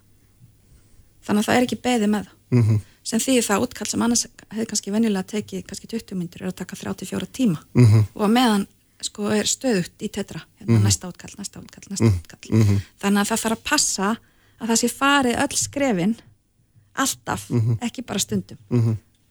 þannig að hérna og svo kemur í ljós að sum málin voru kannski ofrannsókuð en það er þó betra heldur en Já, heldur en að missa af þessu stóra máli. En við erum að horfa því, bara að sjá þessar tölur, þið sjáu hvað þetta er, er alvarlegt, við erum að tala um mandrap á Íslandi. Mhm. að það er hérna að flökta aðeins tölurnar því að við erum svo, eða prósentutölurnar því að við erum svo fá. En það eru hérna, heimilisofbildi er svona alltaf helmingur þeirra sem eru drefnir á Íslandi. Nákvæmlega, sem er, þe- þetta sem þú ert að draga fram er er svona merkilegt og sérstaklega kannski ljósi þess að svona allavega utanfrá sér, nú er ekki hérna, guðand og glugga lögreglan á hvernig degi en utanfrá sér þá hefur manni virst eins og lögreglan bæði hér og svo víða annar staðar sko, hefur lagt svo mikla áherslu á það að svona herfæða sig. Hún er hérna út um allt hefur hún verið að vopnast meir og meir, við sjáum þetta náttúrulega sérstaklega í bandaríkjunum eins og víða annar staðar líka, hérna, við sjáum þetta í klæðnaðinum, við sjáum þetta í skoteldu vestunum, við sjáum þetta í hermanaklossunum, við sjáum þetta í hvernig menn bera sig að, hvernig þeir rópa hver á annan, maður er gas, gas, gas, dótin á sínu tíma. Og ég meina á meðan að, hérna, meðan að vettvangurinn sem þarf að vinna á er ekkert þarna þetta er bara, ég, ég myndi halda ekki, ég veit ekki hvað þér finnst um þetta. Ég meina, er ekki lörglan bara graf undan eigin trusti með, með svona, hérna þessari vopnavæðingu? Á hún ekki frekar að vera að vinna inn á heimilónu með fólkinu heldur en heldur en með byssurnar gangandi vöxl, ég veit ekki. Jú, og Spyrðu þig. þess vegna eru emitt íslenski lauruglumenn óvopnaðir Já, já, og þess þeir það, er ekki aukin herrvæðing á Íslandi Já, þú getur nú alveg séð það samt sem áður, hún er alveg til fyrir hendi og það er á henni. Hvað var lauruglustjóni síðast að tala um þegar hann talaði um að veri sérstakku kultúr komin innan lauruglunar sem hann hefði ekki eins og stjórna. Menn það var þetta. Já, en sko, ég lít þannig á það að þú ert með öll þessi lið sem eru í samskiptum við borgarana og það hins vegar þurfum við að horfa bæði eða þeirra sem við erum að þjónusta, nú erum við aftur komin í smá hérna skilgrinningar, Já. en líka öryggi lauruglumanna og við erum með hérna vissulega hérna tára, eða sérst ekki táragas heldur hérna bara svona sérst sprey sem að hérna gera það verkum að, að- að fólk fær óþænd í augu og, og hægt er að tefja. Það er eins og það er ekki alltaf þess að það virkar. Til dæmis þegar fólk er í mikill vímu þá virkar það ekki. Og þú getur verið með fólk mjög æst og þetta, lögreglumennir okkar er að mæta fólki með vopn, þú veist, með hnífa. Og vestin sem þeir eru að í eru ekki hugsu sem skotheld vesti, það er mjög sjaldan sem betur fyrir sem skoti á lauruglumenn en þeir eru að verða fyrir hnífum. Mhm. og það er talsvægt mikið um árásir á lauruglumenn Mhm. þannig að til þess, og ég lít nefnilega á þetta ég er nefnilega hérna, alls ekki sammála því að þetta sé ekki partur af þjónustu lauruglunar til þess að við getum verið óvopnið til þess að við getum verið afslöpuð og byrt myndir að lauruglufólki borða ís á Twitter. Til þess að lauruglumenn geti farið bara í skólana og verið, upp, hérna, verið nálægt fólkinu. Þá þurfum við að hafa einhverja sérþjálfaða sem geta farið í þessi vestu útköll. Menn þess að ef það væri ekki þá getum við ekki tryggt öryggi hvorki þeirra sem mm. er ógnað eða lauruglumannina sem fari í útkallin síðan má alveg deilum það hvort að fólk hefur verið venjulegum lauruglufötum eða hvort það hefur verið í mertum bílum og svo framins það er bara önnur umræða. En hérna, já. En þetta er samt þróun sem að svo umrætt svo víða við sjáum að hún hefur held ég, ég veit ekki um neitt ríki þar sem að hérna, þar sem að sko hefur tekist eitthvað meina að draga úr glæpatíni með því að, þarna, beita þessum aðfyrir þert á móti heila. en svo ertu með glæpa tíni en áhugavert þá skulle koma með það til dæmis ef ég lendi því að ég er mjög ofta að hérna, flytja erindi erlendis um einmitt heimilsopilsverkefni Já. vegna þess að það sem við gerum þar er að við þurftum ekki að breyta lögum fengum ekki meiri pening. Við bara nýttum í rauninni ramman öðruvís og fórum í samstarf þvert á saman með Bjarkalíð sem er samstarfsverkefni sem að einmitt átt að lækka þröskuldin til þess að fólk fyrir þá sem að treysta sér ekki til að fara þessi skref inn á lauruglustöð hafi annað úrræði og hafi kannski meiri stuðning og betra net en hérna svo við tölum um tölfræðina að þá fjölgaði brotum mjög mikið á Íslandi. Mhm. þannig að ég þarf að sta- oft að svara fyrir það á hérna erlendis þegar ég er að flytja erindi. Mm. byrju, akkur er svona mikið heimilsopildi á ykkur? Er þetta miklu verra ástand á Íslandi heldur en annars þar Mhm. og ég held að það sé alls ekki þannig. Það er eins og bara orðið meira traust á því að það sé hérna hugs, hugsaði semst og stuðningurinn sé, ekki, sé, sé líka með. Það sé hugsað út frá fleiri aðilum heldur en bara brotamanninum og það sé gripið utan um fjölskyldunar og það er gert með því að velferðþjónustan kemur inn með því að félagsrákjafi kemur á stíðu við þólanda á öllum tími sólarins og þannig að sveitafélagi hefur að standa sig alveg brálaðislega vel og eru einn leiki laðili þannig að hérna þú ert alltaf komið miklu fleiri brot en í mínum er þetta samt miklu meira öryggit og því það að fólk er að ringja Mm. Og fólk er að leita Þannig að skráningin er nákvæmur en brotunum hefur ekki endla fjölgað. Það, Nei, það fólk leitar, ég menna við erum að fara og það er allt og mörg hérna of, öfbeldis atvik sem að gerast áður en að fólk leita til örglu Mhm. síðustu rannsók sem ég sá þá voru að meðaltali var hringt í okkur, þess að tala við okkur í, þegar það voru komin sjö tilvík í áttunda tilvíkinu það er meðaltali einhver hefur beittur 7-8 sinnum já, þá loksins hérna tekur um síman. og þá til dæmis er það kannski ekkit endilega alvarlegasta atvikið Nei. þess vegna er svo mikilvægt að það hafa breytt ákvæði um heimilisofbeldi þannig að það er hægt að horfa meira á söguna líka. Fólk treystir því ekki að lauruglan gerir neitt í málunum. Er það hvað? ég myndi nota þetta í þáttíð ég held að treysti því núna. Ég er að fá mjög mikið af fólki til mín sem að er að ræða fyrri reynslu og setni reynslu og er ofta að gera upp þessa fyrri reynslu. Þannig að ég vil meina það að við séum að veita bara mjög góða þjónustu og erum alltaf vakandi fyrir því að gera betur. Við þurfum að þróa áhættumati til dæmis veist, þannig að við séum að grípa alvarlegustu tilvikin, taka þau fastari tökum. Og það er í rauninni ákveðni þættir sem að, sem að hérna, við eigum að horfa á. Þegar það er kirkingatak sem hefur verið að fá meir og meiri aðtikli, einmitt mm. ellendis og líka já. hér að það sé þetta, þetta alvarlega form og þú veist ekki hvað afleðingar það getur haft. Það getur einhverja æðar í, sem að skattast og svo framvegs og hérna, já, ímislegt fleira. Átlum erum við í alvarlegustu málunum þá erum við með neyðarnappa fyrir þólendur þannig að þeir hérna, það er ákveðin svona já hindrun, þú veist, fólk getur það ítt á þennan napp og þá koma strax merkin og það fara ekki að byrja því að ringja og útskýra málið. Við sjáum bara nákvæmlega Já, hvað er í gangi já, já. og erum þá með hraðara viðbrað erum meira vakandi En mér langar að spyrja þig hérna aðeins til hliða við þetta sko, þú varst hérna skipur ríkislörgstjóri Reykjavík, ætla ég að segja og ég fór aðeins yfir þau ára hérna, svona, ef maður, maður bara fljótlýsi í gegnum það, þá logaði allt. fyrstu Það- árin Já, það logaði allt. Var það, var, er það því að þú ert svona hérna, uh, hérna stjórnsöðum og, og vilt ráða öllu og skipa öllu fram og tilbaka, hækka menn og lækkar í tign og svoleiðis, eða var allt í vitleysu í Reykjavík? Ég meina, það er einlega alltaf hægt að draga aðra, an, aðrar álíktan en aðra af þessum tveimur. Jú, jú, það er þetta að fullta þessu. Í fyrsta lega verður náttúrulega búin að vera lögreglustýri frá 2002 Mm. og hérna, þarna er í 2014 Já, já. og ég efast um að hafi fundið neikvæða frétt um mig á þessum 12 árum sem að Mhm. liðin voru, þannig að það kannski segja er eitthvað. Mm. En hérna, það voru alveg margi þættir sem gerist í Reykjavík. Uh, til dæm, þú veist, ég, ég fór í mikla breytingar. Það Já, var gríðarlega mikið, það var mikið hýrarki hérna Mhm. Sem þýtti það að, og það mátti í rauninni ekki tala nema eitt starfstig upp fyrir sig. Þannig að þetta var alltaf þungt í vöfum, þannig að ég fór ég að fletja út hýrarkið Mhm. og lauruglan er í eðli sínu mjög hýrarkísk. Þannig að það var alveg þungbært.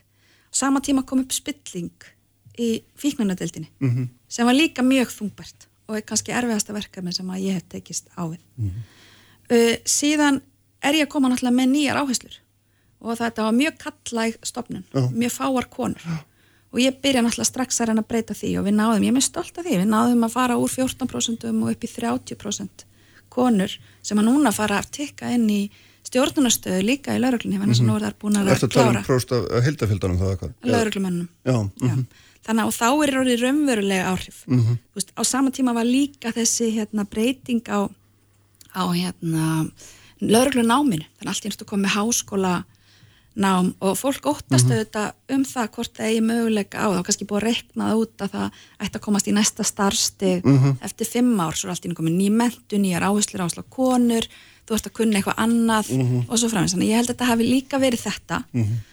og svo var ég gaggrind fyrir að hérna, sem sagt, fara og frætt í breytingarnar og ég er ekki viss um að það hefur hægt að gera öðruvísi en auðvitað gerði ég mistök og mm Mhm. -hmm. ein mistökin sem ég gerði var að ég var ekki nógu duglega segja frá okkar hlið, eða sérst minni hlið í rauninni og, og þetta tók mjög á starfsfólki og það voru alltaf nýjur og nýjur fréttapunktar Mhm. og ég í rauninni tók þá afstöðu, ég ætlaði aldrei að fara að segja eitthvað gegn mínum hérna, samstagsfólki ofinberla Mhm. og ég væri bundin að þagnaskildu sem að náttúrulega við erum öll og síðan var ég bara með þá ráðgjöf að hérna, vera ekki að búa til fleiri fréttir og eftir á higgja voru þetta mistök og ég þurfti virkilega að, að hérna, taka mig hressilega á Mhm. í því og byrja Var þið ráðlagt semst að halda þér til hlés en þú ert að segja að það hefði verið rámt?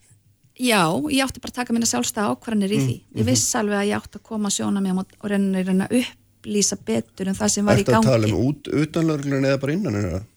Bæði kannski? Kannski bæði. Mhm. Þannig ég hef átt að vera opnari með þetta. Mm. Ég var alltaf að hlýfa mínu, sérst, hlýfa embættinu, en auðvitað hlýfir ekkit embætti í svona Mhm. þegar maður þessir En þú fjagst mjög harkalega gaggrinni og hérna, maður hefur lesið hérna tölvuposta sem voru sendir milli fólks og til þín líka þar sem þú ert söguð um að leggja fólk í einnelti og hérna og hreinlega bara eiginlega sparka því niður stigan getur maður bara, það er ekki hægt að arða öðruvísi Já, það- og, landsamall lauruglumanna hérna, lístu við vantröstu á tíðanbili og ég meina þetta er bara þú veist, þegar maður er svona fljótleysi í gegnum þetta þá er þetta mígrútur af atvikum Mhm. sem eru bara mjög hérna svona mörg og, og, og hérna stór En þau fóru öll saman í aðtögun mm og kannski fengu niðurstöður þeirra aðtögunar ekkit endilega mikla umfyllun. -hmm. Ég var náttúrulega væri ekki í þessum stól ef þetta hefði verið svona. Nei. Og ef þú horfir bara á það hvernig embætti hefur breyst Mhm. og hvað það hefur gert á þessum tíma Mhm. það er miklu stafrætna, það er miklu þjón það er þjónustustofnun, það er búið að breyta menningunni með markvísum hætti Mhm. það er hérna, við hefum verið að grínast með það að LRH sé svona eins konar hérna, LRH Marel, það sem er byggt á business upplýsingum, Mhm. ekki hérna bara á puttanum upp í lofti einhverju reynslu, við erum raunverulega að byggja rannsóknum, byggja málafjölda Mhm. grípa inn í, notum lín þú veist, það var stefnumótun frá grunni og upp ekki frá toppi niður, þannig að Mhm. stefnan tapast þannig að það er búið að umbylta þessu embætti Mhm. og fullt af hlutum sem hafa gengið mjög Mhm. vel en það hefur verið friður hvað síðastlegin þrjú ár eitthvað slíkt Mhm. en svo má heldur ekki gleyma því ég menna Stefán Eirísson hann var hann fekk á sig vantrust.